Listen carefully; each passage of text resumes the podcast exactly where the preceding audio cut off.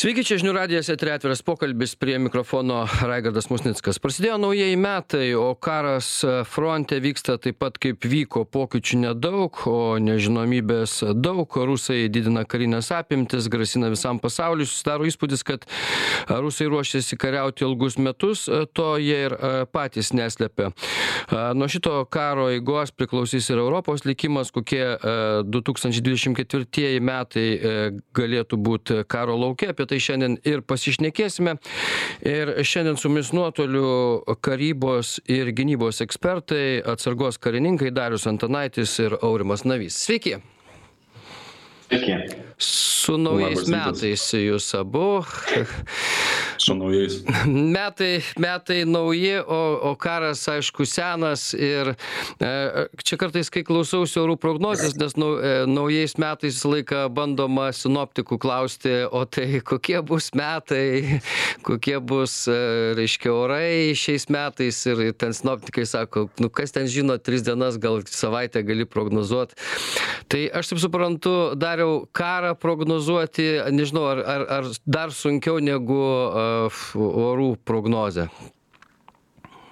Bet kokia prognozija yra labai sudėtinga, nes tu prognozuoji iš to, kad tu žinai, iš tos informacijos, kurią tu turi, tu gali kažkiek tai numatyti kažkokią dinamiką, kuri gali būti. Kažkaip tai tu bandai nuo tų lozungų ir emocinių pareiškimų nuėti iš šoną ir žiūrėti tai skaičius ir frazes bet numatyti, kas bus arba kas būtų, jeigu būtų, yra labai sudėtinga, ypač kada yra tiek daug visokių dedamųjų.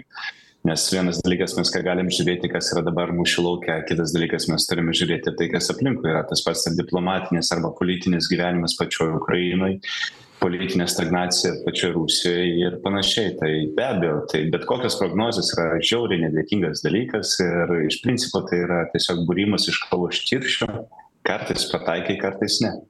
E, bet kokiu atveju karas vyksta be maž du metus.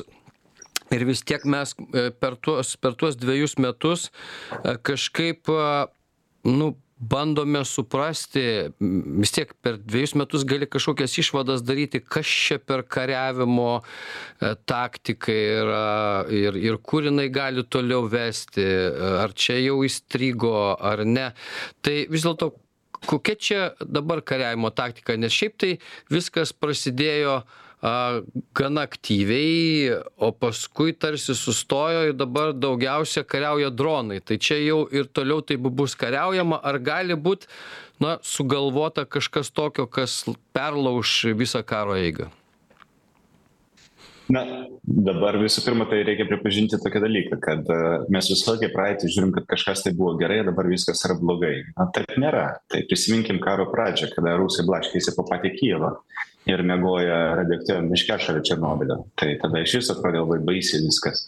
Arba tas pats e, ta pati nuotrauka namo da daugiaaukščio kur pataikė rusų raketa irgi atrodė siaubingai ir baisiai tada atrodo irgi visas pasaulis byrant byrant akių O ta stagnacija tai irgi normalus dalykas, tu nuolat pulti negali. Tiesiog tu negali nuolat pulti, tu perinė irgi į gynybą.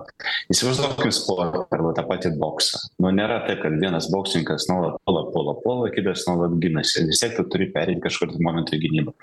Netgi žiūrint į doktrininę pusę, tai jeigu o tave puola priešas, tai tu pradedi vykdyti iš pradžių stabdomosius veiksmus arba manevrinę gynybą. Tada tu jį sulėtini, tada tu jį sustabdai o tu sustabdai pereidamas į, į pozicinę gynybą, tai ką mes dabar ir matom. Tai kada tu prieš užfiksavai, tada tu perini į kontrpulimą ir tada judėjai į priekį. Tai čia yra labai rožinis pasaulis, labai idealus pasaulis, kad tai vyksta. Ne visą laiką tai pavyksta. Tai kas dabar yra, tai taip, rusai turėjo daug laiko įsitvirtinti ir užtikrinti savo sausumos koridorių į Krymą saugumą ir gynybą ukrainiečiai tuo metu turėjo perkelti savo dėmesį į sostinės gynybą tai ir natūralu turi ginti tai kas yra svarbiausia tas yra skaudžiausia. Tai kas mes dabar vyksta dronų mūšis tai dronai vis dėlto naudojami ne dėl to kad jie labai efektyvūs o tiesiog dėl to kad ukrainiečiai kažko tai kita nelabai ir turi. Nes jeigu mes kalbėtume apie efektyvumą tai tie dronai turėtų pakeisti situaciją mūšio lauke. Tai aš manau tiesiog dabar yra tai kas yra ir mes turime pažiūrėti tą mūšio lauką iš iš kelių dimensijų visų pirma net nėra tiktai karinė dimensija tai yra mažiausiai dar kitos yra ir politinė dimensija. Tai kuo didesnį nuostolį ukrainiečiai padarys ir kuo žiauresnius nuostolius padarys rusijos kariuomenė ukrainoje tuo greičiau socialiniai neramumai galbūt pagaliau kils rusijoje. Kurių mes laukiam visi nesulaukiam niekaip aurimai kaip pats matai situaciją? Na čia dabar vėlgi pranešimai rusija reaguoja į ukrainiečių karo veiksmus į rusijos miestų bombardavimą turbūt ir į karinio laivo a a sunaikinimą ir ir dabar skrieja raketos į kijevą ką ar čia kažkokia kijevas nauja taktika dabar nes mes taip pat žinome kad žiemą labai svarbu kaip atrodys apskritai ukrainos infrastruktūra koks bus puolimas prieš energetikos įmones ir ir apskritai visą energetiką. Ar čia šiuo atveju kažkas tokio naujo sugalvota ar ar viskas sena ir senai pažįstama na iš esmės kad visiškai būtų sena tai taip nepasakyčiau. Vis dėlto iš abiejų pusių karas na jisai priverčia galvoti judėti į priekį numatyti priešininko veiksmus ir be abejo na priešininką apgauti rasti jo silpnąsias vietas ir ir ir jas išnaudojant sukelti kuo daugiau žmogiškųjų nuostolių ar ar resursų materialių resursų nuostolių tai tai tas iš esmės na kaip ir nesikeičia ta taktika. Bet jeigu mes kalbame apie rusijos puolimą tai na jis iš tiesų buvo numatomas jau kurį laiką. Pirmas dalykas iš tiesų ukrainiečiai perėjo na sustojus puolimui į gynybą tiek rytuose tiek šiaurės rytuose. Ir netgi iš dalies galiu pasakyti kad ir pietuose kairioj kairiajame dniepro krante vėlgi tas puolimas kuris buvo sustojo. Ir ir ir ukrainiečiai ginasi. Na ir pajėgos kurias rusija yra sukaupę šiuo metu tiek šiaurės rytuose tiek tiek tiek pačioj rusijoj na apie apie jas apie jų vis ir jas vis didėjančias jau kalbama turbūt pasakysiu taip du tris mėnesius ir na tikrai ir ir ir ir ir aš pats žiūrėjau ir galvojau kada tas tas didesnis žiemos puolimas rusų iš rusų pusės turėtų būti. Ir logiška buvo manyti kad tai bus būtent kalėdų mūsų kalėdų ne ne ne maskvos kalėdų periode nes iš tiesų na jeigu mes žiūrėsime į rusijos agresijos istoriją dažniausiai rusai puolimą vykdo žiemą. Ir čia daug dalykų dėl ko bet toks vienas paprasčiausių dalykų tai aišku jeigu mes kalbėsime taip visai primityviai jeigu apie sunkiąją techniką na tai turi būt žemė sušalusi laikyti visus gelžgalius nors šiuo metu rusija galbūt jų tiek kiek norėtų ar neturi. Ir tai yra ukrainiečių ir visų vakarų pasaulio dėka. Bet raketos dronai visos oro priemonės taip sakysim kurias rusija šiuo metu leidžia į ukrainą. Dažnai na manoma kad tai yra kažkoks kerštas kad tai yra tai va čia ir įdomu labai tas kerštas toks žaidimas reiškia ne karas vyksta bet reiškia kas kam trinktels. Tai tai tai čia tiktai antraštės. Mm. čia tiktai antraštės mielas raigardai. Taip yra tiesiog žaidžiama mūsų mūsų skaitovų emocijomis vyksta karas nieks nepasikeitė šia prasme kad surovikinas kaip ir sudėliojo kai traukdamasis iš chersono pagrindinę strategiją jinai tokia ir liko. Skaičiuojama tai kad ukrainiečiams tiesiog baigsis žmonės. Ir na kuo daugiau tu padarysi žalos žmon kuo daugiau tu išvesi iš rikiuotės žmonių tuo greičiau tas resursas taip ir sakom resursas pasibaigs. Šiuo atveju iš ukrainiečių pusės lygiai taip pat nieks nepasikeitė. Tą yra įvardijęs ir generolas zalužnas kad jis truputėlį suklydo galvodamas prieš tai kad ir ukrainiečiams svarbiausias taikinys yra žmogiškasis resursas tai yra žmonės. Na paskui pasirodė kad nėra visai taip rusijos žmogiškieji ištekliai deja yra gerokai didesni ir turint galvoje kad pastarąjį laikotarpį na tikrai žūsta tai ką pats rusijos taip vadinamas elitas įvardija visuomenės atliekomis jie taip ir sako rusų kalba atbroski atliekos. O tuo metu ukrainiečių pusėje žūsta na tikrai paruošti kariai ir jų a, sveikų profesionalų vis mažiau ir mažiau. Tai, a, tai šiuo atveju Zalužinas sako, kad aš šiek tiek padariau klaidą, rusų nuostoliai žmogiškieji Rusijai nėra tokie svarbus, reikia naikinti techniką. Na tai vat, šioks toks pasikeitimas yra tas, kad ukrainiečiai su didesniu užsidegimu, jeigu taip galima sakyti, naikina rusišką, rusų techniką. Ir čia tas smūgis laivui, kuris iš tiesų yra na, rimtas. Taip pat mes girdėjome apie sunaikintus kai kuriuos bombonešius, bet ne tik bombonešiai buvo sunaikinti, čia galbūt žiniasklaidoje buvo daugiau tas pranešta na buvo ir kiti orlaiviai naikinami. Labai svarbu kad yra naikinami transporto mazgai logistikos mazgai ryšių centrai štabai ir taip toliau. Bet a tas po truputį mažėja dėl to kad ukrainiečiams reikia paramos. Labai reikia vakarų paramos. Aš kalbu aišku apie artileriją nes ką ir kolega čia jau įvardijo dronai tai nėra kažkokia panacėja. Atvirkščiai aš dronus įvardiju tai skurdžios kariuomenės ginkluotę. Nes jeigu aš turė jeigu jeigu ukrainiečiai turėtų pakankamai artilerijos na tai nereikėtų tiek dronų naudoti iš esmės nes nu pagalvokit vieną dalyką kiek tu gali vienu šūviu padengti ploto su artilerija ir kiek tam reikia karių. Ir jeigu mes naudojame tą fpv vadinamą ar jeigu mes kalbam apie apie dronus kamikadzes kiek reikia karių kad operatorių valdyti tą droną ir kokia yra daroma žala. Tai jinai daroma bet lyginant su artilerija tai aišku kad yra na tiesiog vertiesi tuo ką turi. Aš nekalbu apie žvalgybinius dronus. Žvalgybiniai dronai tai yra kiti dalykai. Bet apie tuos kamikadzes yra taip. Tai tai bendrai tokia situacija yra ir jinai iš tiesų nieko gero. Jeigu taip mes jau kaip visi tikėjomės kad dvidešim trečiais metais karas baigsis na tai čia aš nebūsiu tas kalėdų senis ar nežinau kuris ateis ir pasakys su dovanų maišu kad štai pas mane pergalė. Dovanų maiše vien dėl to kad mes nežinome kas yra pergalė. Mes žinome bet vakarai na ne visai taip supranta kas yra pergalė.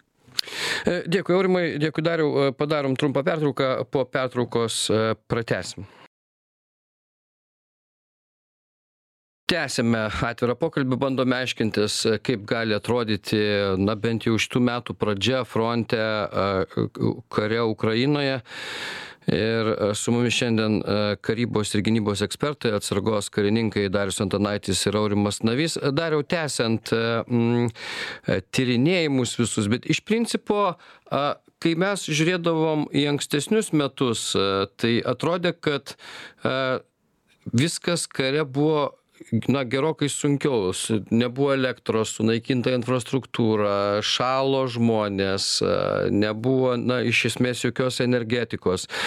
A e, kijevas buvo tuščias. Dabar na toks vaizdas kad na tai kad tie kas žmonės kas gyvena kijeve iš principo nepaisant to kad vat raketos skrenda į kijevą ir ir dabar gyvenimas tarsi vyksta gatvės pilnos automobilių net skaitant apie nekilnojamą turtą iš tikrųjų ekspertų išvadas tai net nekilnojamo turto kainos jos ten nekrenta o na laikosi pakankamai stabiliai žmonės iš visos ukrainos važiuoja į kijevą gyventi. Ir toks susidaro įspūdis kad prie karo priprato patys ukrainiečiai e, ir vat kaip jums pačiam atrodo kokia yra būsena dabar ukrainos šitame kare jos pačios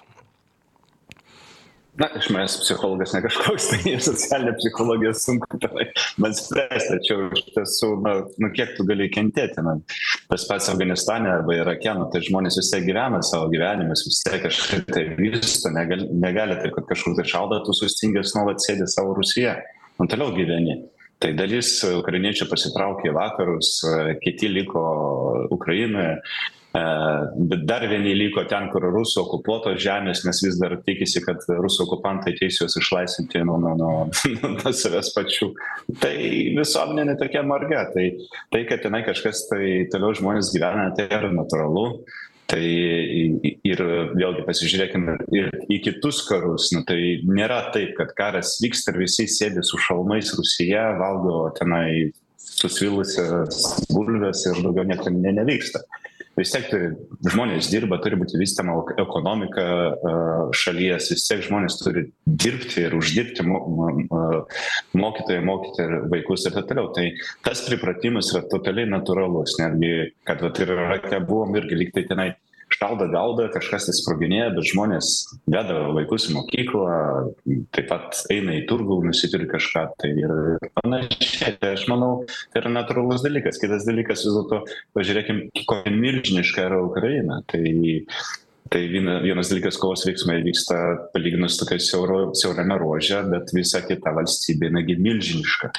Netgi jeigu mes kalbam apie tai kad raketos skrieja į į į kijevą pats kijevas yra milžiniškas metropolis tai netgi ko gero kai kuriuose rajonuose net negirdėti kažkokios raketos sprogimo kuri nukrito kitam rajone tai manau o kokia tai prasmė rusams leisti raketas į kijevą e, iš esmės vat e, jeigu jūs sakote iš principo didelis miestas nelabai ten kažką ir prigriausi. Ir apskritai ir iš kitos pusės sakykim ta tie patys ukrainiečiai atakuoja rusų miestus e, pasienio ten. Ar ar ar čia šitos atakos jos kaip nors yra vertingos karo bele į bet kurią pusę persilaužimo prasme? Turbūt svarbiausia tai kas vyksta donbase vis dėlto. O čia tie raketų smūgiai jie čia tokią gąsdinimo tiktai taktiką turi ar ar kokią realią? Aš nemanau. Nes jeigu tu leidi tokią aukštos vertės raketą į taikinį tai taikinys irgi turi būti aukštos vertės. Kitaip kitu atveju nu tu tiesiog esi imbecilas.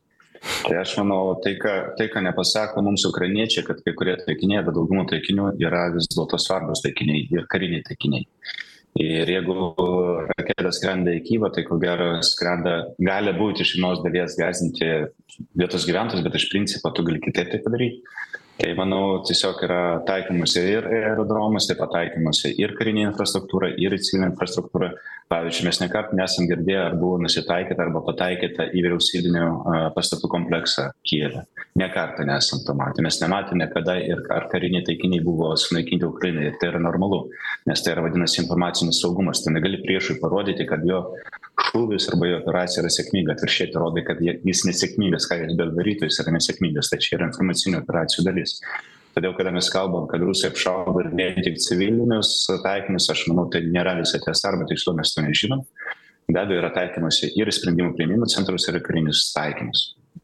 Bet kijevas vis dar gali būt kažkoks tikslas nes mes mes matome kad dabar a įstrigęs karas yra a donbase. Ten apsikasę ir iš vienos pusės ir iš kitos pusės sėdi kariai apkasuose ir iš principo kijevas yra pasiekiamas raketomis. Bet e, kaip ten sako toj taktikoj e, ka kareivio batas iki ten dar labai toli iki iki pačio kijevo. Ar ar gali būti taip kad sakykim kažkaip prasilauš ta situacija nežinau ten donbase kažkaip pralauš ukrainiečių gynyba ir ir žygiuos iki iki kijevo? Į įmanoma ar ne prieš tai vat nes nu kam griauti kijeve ten infrastruktūrą infrastruktūrą ar a tuos pačius oro uostus kas iš to jeigu ten nu ten pats pats karo veiksmas ne ten vyksta.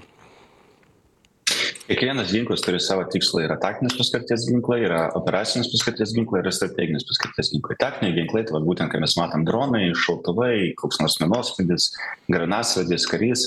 Tai čia yra taktinės paskirties tai tai kiek matai tiek ir šaudai operacinės paskirties tai čia jau didesnis didesnio gylio tai yra kada tu naikini jau visokius sandėlius jau užnugaryje kada tu naikini radarus kažkokius arba kada tu naikini oro uostus tam kad pavyzdžiui priešininkas negalėtų naudotis lėktuvais bombarduojant arba atakuojant tavo pozicijas o tai yra operacinis gylis tas didesnis. Yra strateginis ginklas. Strateginis ginklas paprastai yra gerokai brangesnis jo yra be abejo gerokai mažiau bet tai skirtas naikinti strateginės paskirties taikinius tokie kaip vyriausybiniai pastatai pavyzdžiui jeigu būtų nukauta visa vyriausybė tarkim ukrainos nu tai ukraina gaunasi be be galvos nors man apskritai išrinktieji kada vadinami valdžia yra keista nes jie išrinkti tiesiog atstovauti mus o ne valdyti mus. Bet čia truputį taip vadinasi off topikas tai grįžtant prie strateginės tai taip yra be abejo yra prasmės apšaudyti ir naikinti sostines nes kiekviena sostinė yra valstybės pamatas. Ir jeigu tas valstybės pamatas pradeda skilinėti ir drebėti tai be abejo tai ir paprasti civiliai jie supranta kad kažkas tai yra negerai. Būtent dėl tos pačios priežasties ir buvo apšaudoma ir ir atakuojama maskva ir iki šiol yra atakuojama dėl to. Tam kad tie žmonės savo sprendimų priėmimo centrai gyventų nuolatinėj įtampoj aurimai tai bet vis dėlto patys patys tie sakykim iš tikrųjų mes kai kalbam dabar apie karą tai dažniausiai matome dronus ir ir ir kalbam apie juos čia kiek tų dronų kas juos valdys ir visa kita. E, kiti smūgiai atrodo na tokie mm, e, e, galbūt mažiau skaitlingi negu kad būdavo anksčiau. Ar ar ką nors tai kalba apie rusijos sakykim ginkluotės pajėgumų išsekimą na nežinau kodėl galvojat kad sumažėjo rusijos smūgių? Rusijos smūgių kaip tik didėja.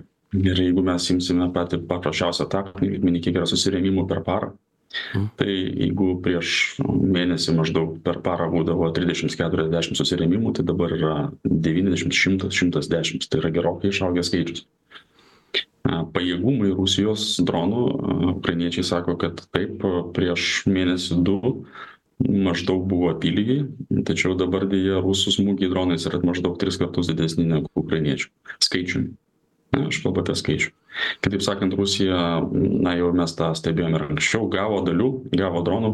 Ne tik aš kalbu apie šachedus čia yra čia aš kalbu apie na fpv ir kitus kurie naudojami fronto linijoj tai jų skaičius yra išaugęs gerokai ir plius greičiausiai kad čia gal nuskambės taip nežinau kaip konspiracijos teorija bet yra galimybė kad kinija perdavė tam tikras technologijas kurios leidžia efektyviau naudoti dronus turiu galvoje į įvairios na paros ir gamtos sąlygos mažiau trukdo pasiekti taikinius.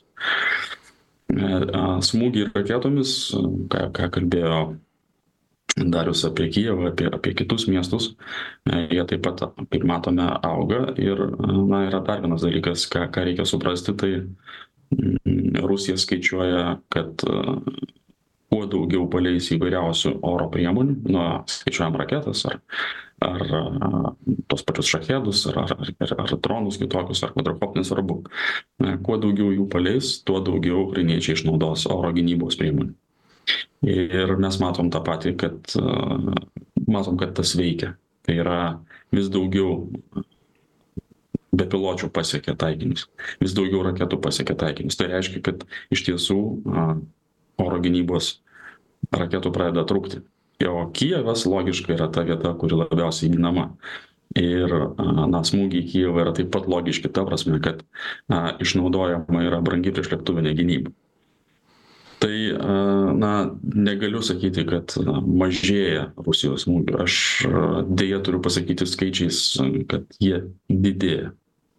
Tai kitaip sakant dabar dar vienas iš taikinių na ne dar vienas o visą laiką buvęs bet vis dėlto dabar vis tiek bandys vis tiek rusai visais būdais silpninti patį kijevą. Be jokios abejonės tai yra smūgiai į infrastruktūrą kuri na supraskim kijeve yra daug vadaviečių štabų ryšių centrų. Yra prie kijevo aplink kijevą įvairios a gamybos na na vykdoma gamyba tam tikra prasme tam tikrų karinių priemonių. Ir na rusai be abejo kad taikosi. Bet taip be jokios abejonės yra ir psichologinis dalykas. Ta prasme kijevas vis dėlto yra sostinė ir na kai žmonės labai jau paprast pap prieš tai ką aš mačiau prieš pusantrų metų visiškai pasikeitė žmonės tapo neatsargūs nebesislepia oro nuo išgirdę oro pavojaus signalą.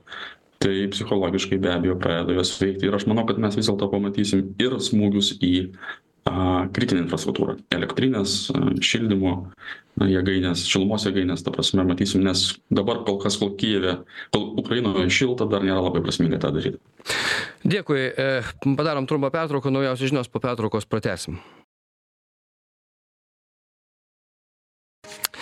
E, tęsiame atvirą pokalbį kalbamės apie karą ukrainoje apie tai kaip e, kaip atrodo e, metų šių metų pradžia kare. Aišku čia negali pasakyt kad na kažkada kaip pirmajam pasauliniam kare per per kalėdas ten britai su su vokiečiais pakalėdojo paskui vėl toliau kariavo. Iš tikrųjų tai kalėdos turbūt neegzistuoja kare arba kažkokios šventės ir ir todėl mes ir toliau stebime procesus kas čia vyksta bandome aiškintis ar čia kažkokie nauji ženklai atsiranda šitame kare. Ir apie tai kalbamės su karybos ir gynybos ekspertais atsargos karininkais dariumi antanaičiu ir aurimu naviu. E, dariau e, tęsiant e, štai šiandien yra pranešimas zelenskis sako sėkminga ukrainos pajėgų operacija kryme padarytų didelį poveikį rusijai. Greičiausiai padarytų turbūt bet ką reiškia šiuo metu apskritai kokia nors sėkminga ukrainos pajėgų karinė operacija kryme? Apie apie kokią čia svajot galima operaciją jeigu kalbam tiktai kariniais terminais tai sėkminga operacija yra tada kada tu iš priešininko atimi jo tikslą arba kada priešininkas nepasiekia savo tikslo tai jeigu rusų tikslas yra išlaikyti krymą tai be abejo sėkminga operacija būtų kad rusai neišlaikytų krymą tai natūralu. A kitas dalykas vis dėlto zelenskis turi ir toliau kažkaip tai savo piliečius savo karius motyvuoti ir kalbėti labai pozityviai nes ir jis pavargo ir jis mato kad nu ne viskas ką jis norėjo ką jis deklaravo yra re realizuojama greitai kaip jis norėtų. Tai ką jis turėjo omeny man sunku pasakyti. Turbūt jis pats tik taip gali pasakyti ką jis turėjo omeny. Bet iš karinės perspektyvos vienintelė sėkminga operacija tai yra atimti iš priešininko jo sėkmę atimti iš priešininko tikslą Kaip, Dariau, jūs manote vis dėlto mobilizacija. Mes čia nuolat kalbėjom apie tai kad rusams negaila savo karių ir iš bet iš esmės istorija antro pasaulinio karo na dar kai jis ten vadinosi didysis tėvynės karas tai matyt ukrainiečiai šiuo metu ir gyvena sa ir kariauja tą savo didįjį tėvynės karą. Ir ir tada matyt klausimas kiek reikia tam resursų vis tiek vienu metu labai aiškiai iškyla. Ir jeigu sakom kad baigėsi kariai ar su su karių pasibaigimu gali E, baigtis ir apskritai e, kažkokie karo veiksmai. Ar vis dėlto įmanoma e, mobilizacija žiauri kaip visą laiką per karą jinai negailestinga būna ir ir tiesiog ukraina uždaro sienas susi sukviečia visus ką gali dar iš užsienio ir meta į frontą. Įmanomi tokie dalykai ar ne vis dėlto? Jie yra privalomi jeigu valstybė yra egzistencinė problema tai tu turi spręsti egzistencinę problemą o ne taip kad po truputį homeopatiniais vaistais bandyti gydyti tą problemą. Tai jeigu mes kalbam kad yra didelis iššūkis kad yra problema egzistencinė ukrainai tada tu privalai imtis absoliučiai visų priemonių tam kad apginti savo valstybę tam kad apginti savo piliečius. Ir kada mes kalbamės kad yra bijoma mobilizuoti nu tada reiškia ta problema nėra tokia rimta kad tu nemobilizuoji žmonių tai čia yra mano tokia asmeninė nuomonė. Galbūt nelabai populiari bet jeigu tau skauda kažkas tai jeigu tau yra infarktas tu meti viską tam kad išgydyti tą infarktą. Tai tai dabar vaizdas kuris vyksta ukrainoje kad na iš tikrųjų mes kalbam apie tai kad a kažkas kariauja kažkas šiaip sau leidžia linksmintis naktiniuose klubuose rodo kad ta problema kad dar nėra tokia rimta ar kaip čia reikėtų bandyt suprast aš nesu įsigilinęs taip giliai į ukrainą aš galiu pasakyt vėlgi ką aš matau iš viešųjų šaltinių arba tai koks įspūdis susidaro dar čia ne faktas o įspūdis. Tai iš tiesų kad dalis ir tų žmonių pasitraukė ir į užsienį ir ir ir lietuvoj pakankamai daug yra jauno amžiaus žmonių arba mobilizacinio amžiaus žmonių kurie dirba lietuvoj tas pats ir ukrainoj kada sakoma kad po trisdešim procentų po keturiasdešim procentų po kiekvienos atakos prarandama ukrainos karių ir tuo pat metu nevykdoma mobilizacija kurią prašo kariškiai. Tai yra vėlgi politikai į įsibrauna į kariškių sprendimų priėmimo procesą ir diktuoja jiems ko daryti ir kaip nedaryti. Na ir ko pasekoje mes matom tai kas yra. Vėlgi mano galva yra taip jeigu yra problema valstybėj išlikimo klausimas tai turi kovoti visa valstybė o ne kažkiek tai žmonių kurie galbūt pinigų neturi galbūt yra patriotai idealistai kurie kariauja o o mes bijom kažką tai pakviesti mobilizuot. Lygiai tas pats ir kaip ir lietuvoj. Mes bijom kad būtų mobilizuoti arba kažkur tai eitų atlikti privalomą karo tarnybą žmonės kurie turi aukštesnį išsilavinimą kurie dar kažkas tai turi kažkokias dar išlygas vat jie gali netarnaut vat jau ten tokie tik kvailiukai ir tegul dedasi beretes ir eina tarnauja į kariuomenę tai tai yra tokia mano asmeninė nuomonė tai aurimai va čia ties ta vieta irgi e, ir ne tik ties ta vieta, ne tik dėl resursų, žmonių resursų kalba eina, bet e, nežinau, jūsų irgi kaip eksperto nuomonė apie kitus dalykus, apie ginkluotę. Mesgi E, visą laiką karo pradžioj gana ramiai taip sakėme nato blokas penkiasdešim kartų ten ar ar kiek kartų tas skaičius buvo minimas galingesnis savo ginkluote ir kuo tiktai nori už už rusijos kariuomenę ir taip toliau ir tol ir taip toliau. Bet kokiu atveju dabar ką mes stebim ir ir stebim kad ukrainai ginkluotė baigėsi vakarai ta pati europa kuriai labiausiai gresia rusijos invazija kažkaip tai bando ieškot kuo čia paremti ukrainą amerikiečiai taip pat stabdo reikalus. Tau ir nato blokas kuris čia penkiasdešim kart galingesnis o o rusų kariuomenė toliau sėkmingai kažką gaminasi tenai gauna iš kažkur ir ir toliau tęsia karo veiksmus. Kaip tai suprast tiesą sakant? Na tai iš tiesų nepaprastai rimtas klausimas. Ir iš tiesų, jeigu vakarai neatsakys sąžiningai savo į šitą klausimą, tai sunku kažkaip prognozuoti toliau įvykius. O klausimas yra paprastas. Ar vakarai kariauja, supranta šito karo esmę? Nes tai, ką Raigardai sakote, tai na, NATO iš esmės kaip alijansas nekariauja su Rusija ir jis yra galingesnis, bet jisai iki šio laiko vakarai, alijansas yra karinis, bet vakarai, abu blokai, ir ekonominis ir karinis, nekariauja su Rusija. Rusijagi kariauja su vakarais Ukraino žemėje. Ir čia yra didelis skirtumas, ar mes vakarai atsakysim savo klausimą. Taip, mes kariaujam su Rusija ir tada mes turim padaryti viską, kad Ukraina laimėtų išlaisvintų savo teritorijas, kurios yra okupuotos. Nes dabar mes nekariaujam. Mes sakome, mes jums duosim truputį raketų, bet nedaug, ne per daug. Hmm? Mes duosim artilerijos toliau šaudės, bet tik tai 80 km raketinį turiu galvoje. Bet tik tai 80 km atstumų galima šaudyti. Į Rusijos teritoriją nešaudyk. Hmm? Naikintuvų mes jums duosim, bet ne per daug. Duosim 20, o gal, o gal mažiau, gal 16 duosim gal pavasarį o gal kitais metais o gal dar kitais. Kai mes sakėme kad reikia duoti tankų čia to čia ir dabar tai po kažkiek laiko tų tankų gavo ukraina. Bet pripažinkime ir kitą faktą kokių tankų gavo ukraina? Jeigu keliolika tankų buvo tikrai modernūs tai visi kiti na čia neslėpsim ukrainiečiai sakė tik nu dabar jau galiu pasakyti kad tą metalo laužą tai jie gali pasiimt atgal nes mums brangiau kainuoja visom prasmėm pinigais laiku taip resursais juos pataisyti. Tai kai mes tai čia čia vakarai turi atsakyti ar jie suvokia kad ukrainos pralaimėjimas yra vakarų pralaimėjimas tada jau mes kariausim tikrai jeigu mes to sau sakom, jeigu mes sakom, kad nu, mes truputį kariaujam, bet truputį ne, mes tuo pačiu metu ir prekiaujam dar su Rusija. 5,5 milijardo eurų prekybos balansas yra su Rusija, vakarų, Amerika plus Europos Sąjunga, kiekvieną mėnesį. Aš suprantu, kad tai reiškia, tai yra, na, negrynos, ne, pajamos Rusijai, tai yra pelnas, ta prasme, tai yra tik tai pajamos, bet dauguma, kas iš to, iš to pinigų, tai yra resursai Rusijos, žali resursai. Tai iš esmės juos reikia išgauti ir parduoti. Sankcijos, ar jos tikrai veikia? Ar tikrai veikia ir ar tikrai mes darome viską? Jeigu tos pačios ir aš nežiūriu dabar jau kažkur toli į vakarus ne į vokietiją čia kaltina vokietiją va kariauja e, atsiprašau prekia prekyba su kirgizstanu su kazachstanu išaugo ten šimtus kartų. Na tai į lietuvą pažiūrėk. Mūsų prekyba su kazachstanu kažkaip tai išaugo beveik ten dešim penkiolika kartų. Kodėl? Dėl to kad tos visos prekės paskui keliauja į rusiją nes yra bendra muito zona bendra muitinė muito teritorija. Taip kad čia labai rimtas klausimas nepaprastai rimtas klausimas į kurį mes turim visų pirma sau atsakyt ar mes re rusiją suvokiam kaip realią grėsmę sau jeigu mes nematom jos kaip grėsmės tai tada na apie ką mes kalbam?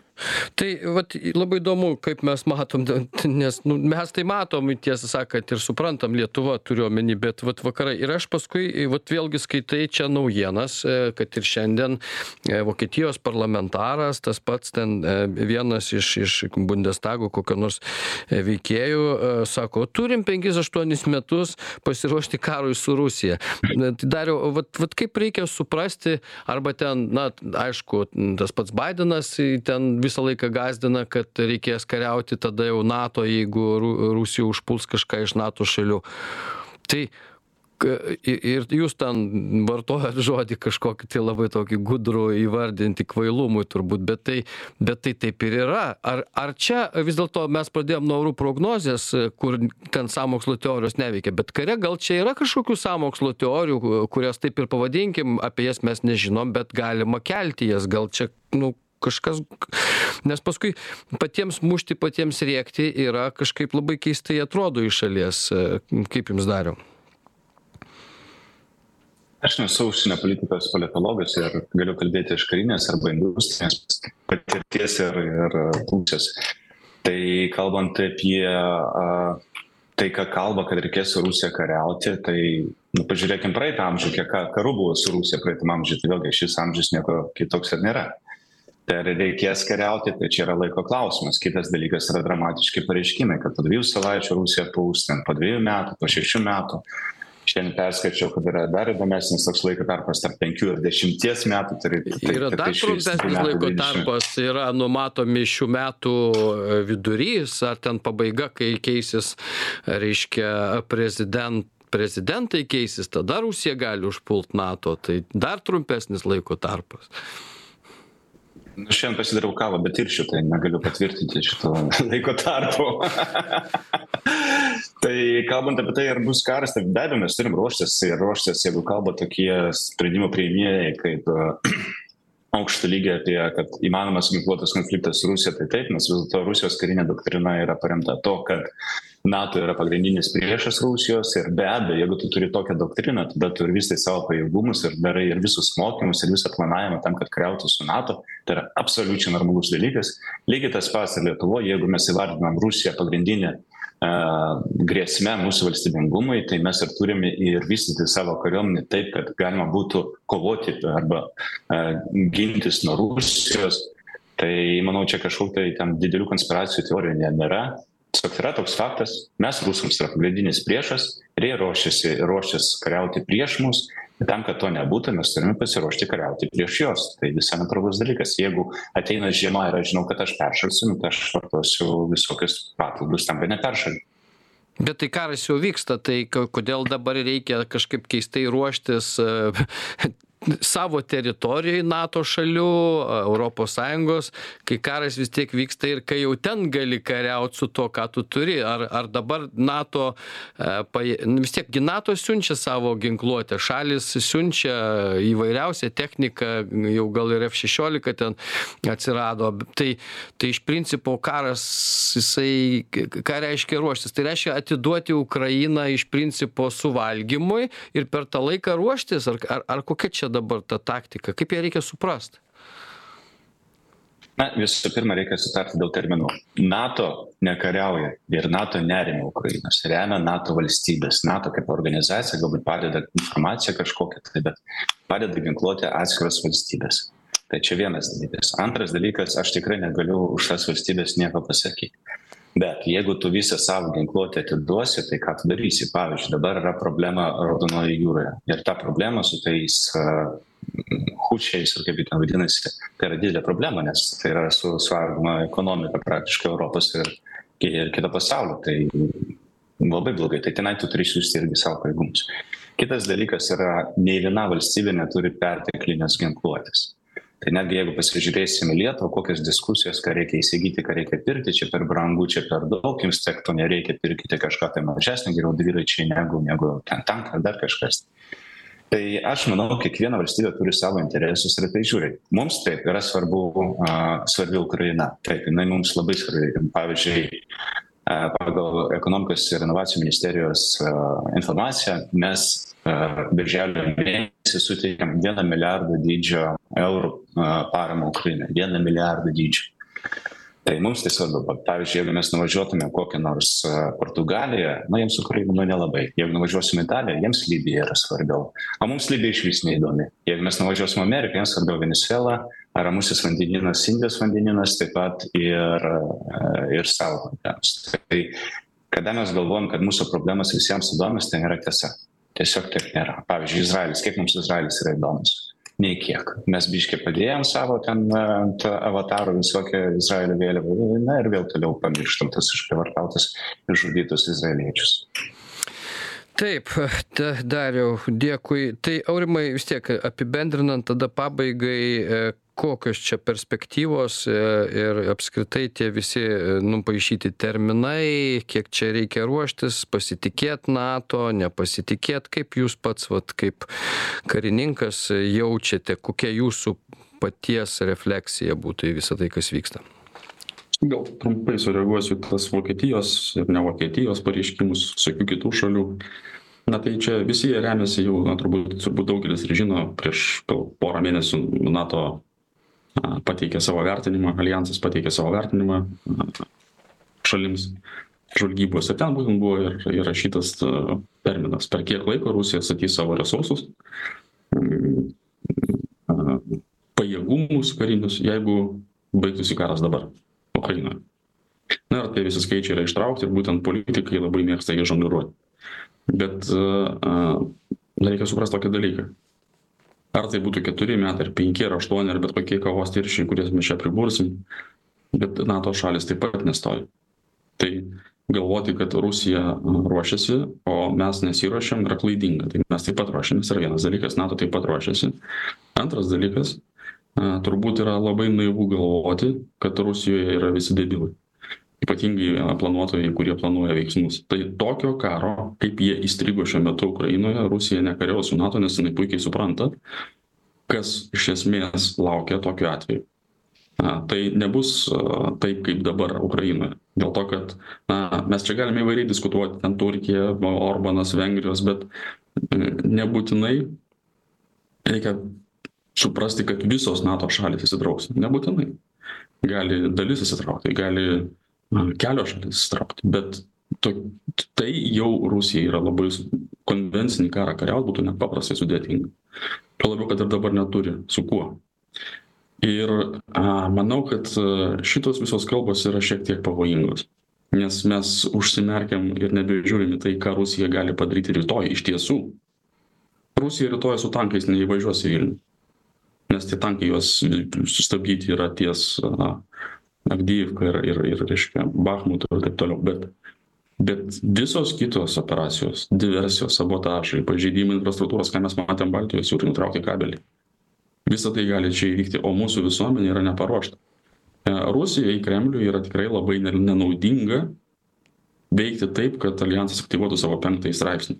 Nes penktas straipsnis iš iš esmės rusijai reiškia na labai blogai bet a turbūt na protingas žmogus suvokia kad jeigu o rusija nori pakenkti mums ypatingai nori pakenkti mums nori pakenkti vakarams europos sąjungai nato su suardant vienybę suardant sprendimų priėmimo procesą na tai reikia ruoštis ir ruošti mūsų visuomenes tokiems rusijos veiksmams tokiems išpuoliams kurie na neturėtų galimybės aljanso būti traktuojami kaip puolimas į nato valstybę.